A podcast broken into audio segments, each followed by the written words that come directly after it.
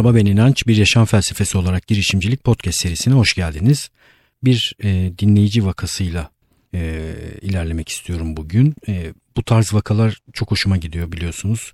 Çünkü üzerinde vakanın üzerinde düşünürken girişimcilik üzerine de hep birlikte düşünmüş oluyoruz. Vaka ayrıca size ilham veriyor, bana ilham veriyor. Bu nedenle e-posta yoluyla bana vaka oluşturacak e, şeyleri gönderenler olunca hemen ele almaya çalışıyorum. İsmini ve şirketini paylaşmamamı istemiş bu e-postayı gönderen kişi. Ben de öyle yapacağım. E-postayı hızlıca üzerinden geçerek okuyacağım. Amerika'da yaşıyorum. Daha önce kurumsalda 5-6 yıl çalışıp işi gücü bırakıp Amerika'ya yerleşmiştim. 5 yıl oldu ve şimdi yeni bir iş kuruyorum. Amerika'dan Türkiye'ye turist grupları getirmek hem orada olmasam da Türkiye'ye katkı sağlayabilmek adına hem de kendime bir iş kolu yaratmak amacındayım. Bu amaçla turist grupları getirmek istiyorum. İlk hedefim küçük bir etnik grupla başlamak, Kaliforniya'da yaşayan Koreli insanları Türkiye'ye getirmek, Türkiye'mizin muhteşem tarihini, doğasını görmelerini sağlamak. Zamanla Amerika genelindeki farklı etnik grupları da katarak büyümeyi planlıyorum. Ben tabii yavaş yavaş hem e-postayı okuyacağım hem de üzerindeki düşüncelerimi e, paylaşacağım. Küçük bir etnik grupla başlamak yani dar bir kitleyle başlamak Seth Godin'in de bize hep söylediği çok başarılı bir e, başlangıç. Hatta o şöyle söyler ilk 10 müşterinizi bulmaya çalışın. Yani bir fikri düşünürken ilk 10 müşterime nasıl ulaşacağım bunu da düşünün. Cevabı yoksa bulamıyorsanız ilk 10 müşteriye nasıl ulaşacağınızı muhtemelen sizin yapmamanız gereken bir fikirdir diye de söyler. Onun için öncelikle tek bir odaklanmış grupla başlamak iyi bir fikir. E-postaya devam ediyorum. Size danışmak istediğim birkaç şey var. Sanırım işin en kritik kısmı bu etnik gruplara hitap ettiğim için Google, Facebook reklamı gibi reklamların bana çok faydası olacağını düşünmüyorum. Bu bir hipotez bu arada. Test etmek lazım.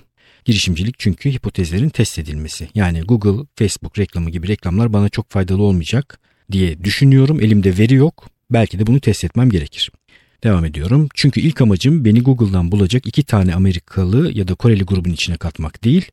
Araştırdığım kadarıyla herkes kendi dilini konuşan grupla birlikte gidiyor ve o dili konuşan rehber eşliğinde geziliyor bu sektörde. Sizce müşterimi nasıl bulabilirim? Koreli, Amerikan, STK derneklerin listesini çıkardım. E, kar amacı gütmeyen derneklerin listesini çıkardım. Onlarla görüşeceğim. Kiliselere gidip broşür bırakacağım.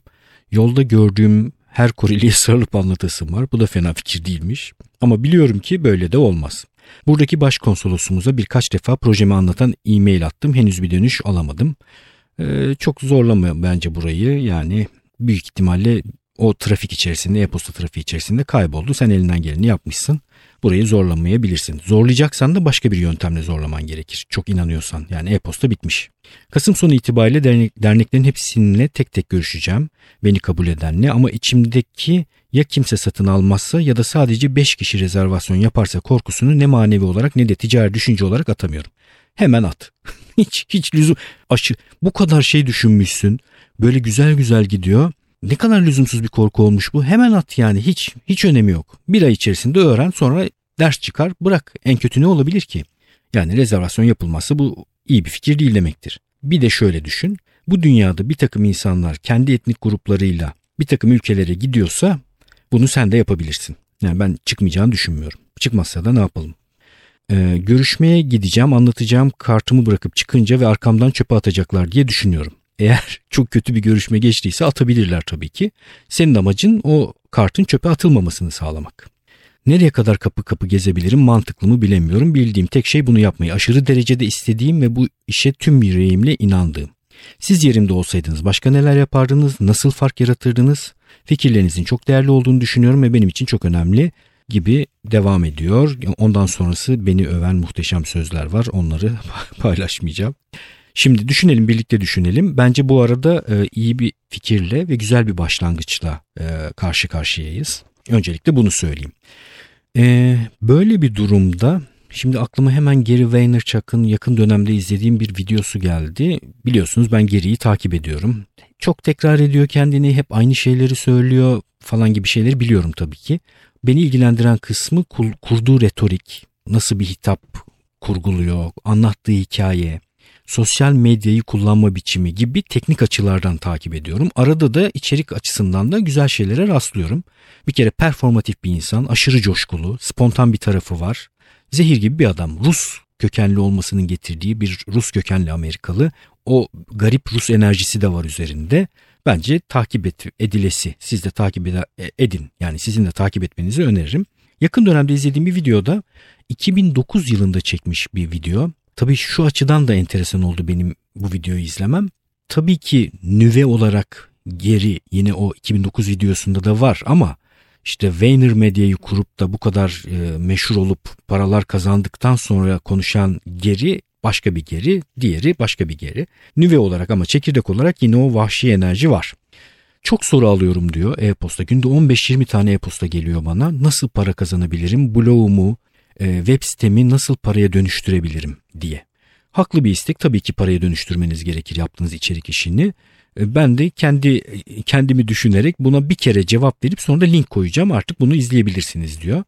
Eğer diyor para istiyorsan oradan tutup çekip onu alman gerekir diyor. Saldırgan bir şekilde yaklaşman gerekir diyor. Geri biraz bu, bu arada tabii saldırgan. İşte ne bileyim gidiyor e, garaj satışları var Amerika'da. Oradan toplamış olduğu bir takım şeyleri pazar yerlerine koyup orada satış yapıyor.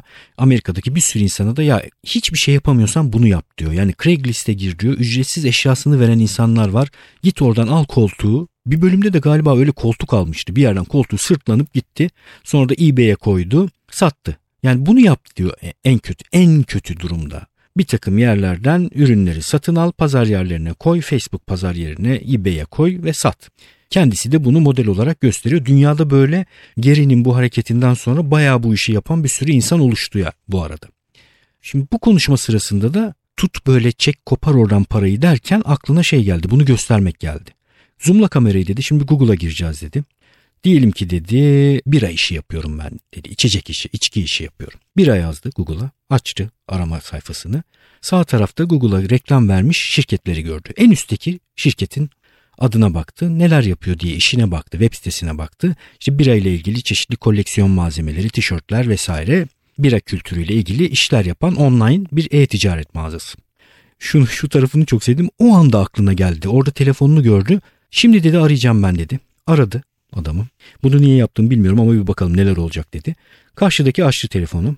İyi günler dedi. Ben dedi e, bira üzerine bir içerik sitesi düşünüyorum, tasarlıyorum ve ciddi bir e, okuyucu kitlesi oluşturma niyetim var. Siz de bira ile ilgili işler yapıyorsunuz. Eğer dedi benim yazılarımı, blog yazılarımı ve web sitemi günde 2-3 bin kişi takip ediyor olursa bu web sitesine sponsor olmak, reklam vermek ilginizi çeker mi? dedi. Karşıdaki adam e, olabilir dedi yani kaç takipçi olacak diye tekrar sordu. O da yok şu anda başlamadım dedi. Sadece dedi bir araştırma yapıyorum. Ama şöyle düşünüyorum Google'a reklam verdiğinizde bira ile ilgili her arama yapıldığında milyonlarca insandan çok seçilmemiş bir takım insanlar sizin reklamınızı görüyor. Halbuki ben doğrudan bira kültürü üzerine bir içerik üreteceğim için benim size göndereceğim bu 2000-3000 kişi bayağı hedeflenmiş bir kitle olacaktır. İlginizi çekmez mi bu dedi. Çeker dedi adam. Tamam dedi geri bunun üzerine tekrar ben size dönüş yapacağım. O da adam da biraz daha e, web sitesi ayağa kalktıktan ve bir şeyler belli olduktan sonra görüşmek isterim dedi. Bu kadar. O kadar temiz ki. Çok güzel. Yani böyle Amerika tabii daha zor. Daha çok rekabet var. E, ama hareket eden işte biraz daha böyle hırçın olan, hırslı olan insanlar bir şekilde yollarını buluyorlar. Bir şeyler yapıyorlar. Eyleme geçiyorlar. Yani bizler kurumsalda çalışanlar, biraz daha böyle naif ve sakin hayatlar yaşayanlar bu dünyada herhangi bir yerde, herhangi bir noktada insanların kendilerine para vermesinin ne kadar zor olduğunu biraz geç anlıyorlar, zor anlıyorlar. Yani belli bir maaşla belli bir yerde çalışınca saldırganlığa çok gerek yok. Yani bir şekilde belli bir düzende bir ekonomi oluşturuyorsunuz ama girişim dünyasına geçince her şey değişiyor. Başka türlü düşünmek gerekiyor. Ben onun için aramızda kurumsalda çalışıp da e, girişim bir girişimci olma yolculuğuna kalkışacak olanlar varsa çok dikkatli olmalarını öneririm. Kurumsal bir sürü fonksiyonu gömülü tutar. Yani size ulaşmaz o fonksiyonlar. Yani ekonominin döndüğü alanlar size kapalıdır. Siz orada kurumsalın içerisinde bu ekonominin bir noktasında bir değer üretirsiniz. Halbuki o ekonominin kendisini oluşturuyor olmak ve o çarkı döndürüyor olmak bambaşka bir iştir. Bu size kapalı olabilir ve kolay gözüküyor olabilir. Yani orada ekonomi oluşturmak, iş kurmak, bir nakit akışı oluşturmak gibi çoğumuzun okullarda da öğrenmediği bambaşka vahşi bir alan var. Onu iyi çalıştıktan sonra ve anladıktan sonra dağıtım problemini çözmek üzere bir işe kalkışmanızı öneririm. Yani kendinizi olduğunuzdan daha e, iyi görüyor olabilirsiniz ve toslayabilirsiniz bir şeylere.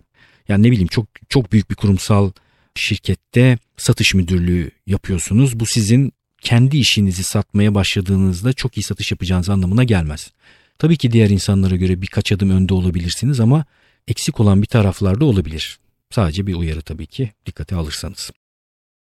Şimdi bu durumda e, sen bunu e, bu turizm işini yap, yapacağın zaman zaten bu saldırgan tutumla başlamışsın. Yani derneklerle görüşeceğim, e, gidip görüşmeler yapacağım diyorsun. Doğru noktadasın. Doğru noktada olduğunu söyleyebilirim. Buna bir şey eklemek istemem. Burada gidip e, bir, birkaç tane teknik kullanarak ve bu tekniklerin verimliliğini de ölçerek yoluna devam et derim. Yani teknik kullanmak ve verimlilik ölçmekten neyi kastediyorum? Bir kısım ne bileyim 100 kişiye e-posta gönder. 100 kişiyle telefon yoluyla görüş. 100 kişiyi yerinde ziyaret et ve bunların da kaydını tut. Yani kimle telefonla görüştün, kimle e-postayla görüştün, kimi yerinde ziyaret ettin ve sonra bunların rezervasyona dönüşüm oranlarını da takip et. Reklam için de aynı şeyi yapabilirsin. Yani belli bir para harca bir yere o reklamın rezervasyona dönüşme oranını takip et. Bütün bunları yaparak kendi fikrini test etmeye başla. Burada tabii ki bir şeyi test etmiyorsun. Bir sürü şeyi test etmen gerekiyor. Yani telefonların rezervasyona dönüşmüyorsa bu sadece iş fikrinin kötü olması nedeniyle olmayabilir. Doğru bir telefonda satış görüşmesi yapmıyor da olabilirsin. O zaman kendini geliştir. Yani script oluşturma üzerine okumalar yap. İyi bir telefon doğrudan direkt telefon üzerinden satışın mantığı ve süreci nedir bunu öğrenmeye çalış. Satışın kendisi zaten çok ilginç bir alan. Orada da spin metodolojisini öneririm. Satışla ilgili okuma yapmak istiyorsan spin tekniğini öğren. Ee, çok uzun süreli bir araştırma sonucunda açığa çıkmış olan ve doğrudan satışta kullanılan bir tekniktir. Ee, doğru sorular sorarak karşı tarafın ihtiyacını ortaya çıkarıp e, bunun üzerinden satış yapmakla ilgili iyi bir tekniktir. Neil Rackham'ın kitabıydı hatırladığım kadarıyla. Bu kitabı oku ve bir süre bunun üzerine çalış. Hiçbir şey olmazsa satışı öğrenirsin, işte telefon yoluyla satışı öğrenirsin, reklam KPI'yi yani temel performans göstergelerini takip etmeyi öğrenirsin, reklam verdiğinde dönüşüm oranı ne demektir ve nasıl yönetilir hangi dönüşüm oranlarında kabul edilebilirdir oranlar, bu, bütün bunları öğrenmiş olursun. Ee, bunun dışında ekleyebileceğim ne var diye düşünüyorum. İyi bir içerik pazarlama stratejisi de burada iş görebilir. Yani hitap ettiğin kitleyi iyi anlayıp neye değer verdiklerini iyi anlayıp bunun içinde bir takım Korelilerle görüş. Yani Koreliler tatil yapacakları zaman nerelere bakıyorlar? Ben eminim sana e, bir kahve sohbeti sırasında yapacağım birkaç görüşmeyle Korelilerle ilgili insanlar bir takım bilgiler vereceklerdir. Bu e, uluslararası işleri yaparken kültürel farklara dikkat etmek gerekiyor. Yani Ruslara dijital eğitim pazarlarken kullanacağın dil başka, işte Türklere dijital eğitim pazarlarken kullanacağın dil başka olmalı. Bu dili nasıl keşfedeceksin? O insanları tanıyarak, anlayarak. İşte Korelilerle konuşarak nerelere bakıyorlar, tatillerini tasarlarken nelere dikkat ediyorlar, ne gibi içerikleri okuyorlar bunları anlamaya çalış ve bununla ilgili çok güzel içerikler üretmeye başla.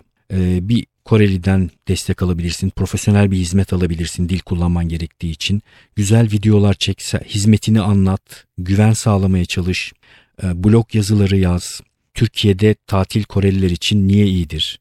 Türkiye'ye kaç tane Koreli gelmiş şimdiye kadar? Bir Korelinin Türkiye'de ilgisini çekecek 10 yer ve neden ilgisini çekecek gibi bir takım başlıklarla e, bir sürü insanın sana ulaşmasını sağlamaya çalış. Eğer iyi içerik üretirsen, değer üretirsen ve insanları web sitene çekersen bir süre sonra senin diğer hizmetlerinle de ilgilenmeye başlayacaklar. Yani şöyle düşün e, Koreli bin kişi seni düzenli takip ediyor. Ürettiğin tatille ilgili içerikleri takip ediyor. Aklına bir tatil yapmak geldiğinde müracaat edeceği yer sen olacaksın. Bu da yine Setko'den mantığıdır. Yani niş bir alanda e, Paris'te Kaliforniya'dan göçen ailelerle ilgili bir şey yapmıştı herhalde. Öyle bir örnek vermişti. Şimdi tam hatırlayamadım. Podcast'lerden birinde anlatmıştım ben bunu. Bir tane diyor katalog hazırlardım. İşte o kataloğun içerisinde tatille ilgili bir sürü öneriler koyardım. Sonra altına da kendi telefon numaramı web sitemi koyardım. Yani ne yapmaya çalışıyor Setco'den burada? Yüksek bir değer üretiyor ücretsiz olarak. Bu değer yoluyla bir takım insanlara ulaşıyor. Problemimiz dağıtım problemi ya çünkü insanlara ulaşmak gerekiyor. Sonra bu insanlara ulaştıktan sonra da onların güvenini kazanıyor. Yüksek değer ürettiği için ve güvenilir olduğu için. Ondan sonra da bu kitleden kendisine bir takım lead diyoruz buna yani satışta. E, Türkçe'ye nasıl çevriliyor? Aday, satış yapılabilecek adaya dönüşüyor bu insanlar. Ve bir satış unisine girmiş oluyorlar. Yani çok geniş bir web trafiğinden rezervasyona giden ve gittikçe daralan bir takım e, huni içerisindeki eylemler var. Web sitesinin ziyaret edilmesi, blog yazısının okunması, e, belki senin bir e, e-posta bültenine üye olunması, bunların hepsi darala darala gidecektir. Yani her ziyaret eden web bültenine üye olmayacaktır. En sonunda da senden teklif isteyen bir grup olacak. Yine daralmış olacağız yani. Ve bir de rezervasyona dönüşme oranına sahip olacağız. Bu huninin etkililiğini ölçeceksin yavaş yavaş. Ve bu huniyi optimize etmeye çalışacaksın. Koreliler olmazsa ne olacak? Başka grup dene. Yani şunu söylediğin için bildiğim tek şey bunu yapmayı aşırı derecede istediğim ve bu işe tüm yüreğimle inandığım dediğin için e, normalde şey derdim yani birkaç ay bunu dene öğreneceğini öğren başka bir şeye geç derdim ama bu fikri zorlayacak kadar sevdiğin için zorlayabilirsin. Zorlamak ne demektir? Kendi hipotezlerine kendini mahkum etme. Yani Korelilerle olmaz bu iş Japonlarla olur. Amerika'da yaşayan Japonlarla bilmiyorum başka bir etnik gruplu olur. Bir etnik gruplu olmaz başka bir niş alanlı olur. Yani ne bileyim e, sektörel bir daralma tercih edebilirsin gibi gibi gibi. Bu vakayla ilgili şu an hızlıca düşünebileceklerim bunlar, söyleyebileceklerim bunlar. Başka sorular gelirse zihnine e, bu soruları da tekrar e-posta yoluyla bana sorabilirsin. Tekrar hatırlatayım. Girişimcilik bir takım hipotezler oluşturup bu hipotezleri test etmektir. Bazı hipotezleri e, test etmeye gerek görmez insan. Onlara ön yargı diyoruz. Girişimciysen eğer işler yolunda gitmiyorsa neredeyse hemen hemen bütün hipotezleri test etmeye çalışman daha iyi olacaktır. Sen de şimdi bu işe kalkışırken hipotezlerini yaz. Birkaç hipotezini ben söyleyeyim. Koreli e, niş bir grup Türkiye'de seyahat etmek isteyecektir. Ve bu Koreliler seyahat ettikten sonra çok memnun kalacak ve beni başka Korelilerle buluşturacak. İki tane hipotez söyledik. İşte dernekler benim için iyi bir dağıtım kanalı. Ben dernekler yoluyla kendi servisimi, hizmetimi insanlara buluşturabilirim, ulaştırabilirim. Reklam iyi bir kanal değil. Bu da bir hipotez. Belki sonra bunu test edeceksin. Ee, gibi. Bilmiyorum çok mu karışık oldu ama umarım olmamıştır. Evet benim için yine çok keyifli oldu. Bir vaka üzerinden geçmiş olduk. Umarım sizler için de keyifli olmuştur. İnançayar.com adresinden, web adresinden blogda adı geçen kişilere, insanlara, kitaplara ulaşabilirsiniz. Çok yavaş ilerlediğini biliyorum ama bir tane genç arkadaş bana yardımcı olmaya başladı. Biraz daha hızlanacağız. Dedi ki ben gönüllü olarak e, bir blog yazısına dönüştürüp e, şeyleri, podcastleri dinleyip altına da kitapları, linkleri yazmak istiyorum. Bunun bana faydalı olacağını düşünüyorum dedi. Tamam dedim başladık 6 tane bölüm oldu onları şimdi yavaş yavaş ekleyeceğim. Zor bir iş umarım motivasyonu düşmeden buna devam eder bana destek olmuş olur. Bakalım hayat neler gösterecek. YouTube kanalına abone olun. Instagram'ı takip edin. Instagram'da beni takip ettiğinizde merhaba podcast'ten geldim derseniz ben de sizi eklemek isterim. Görüşmek üzere.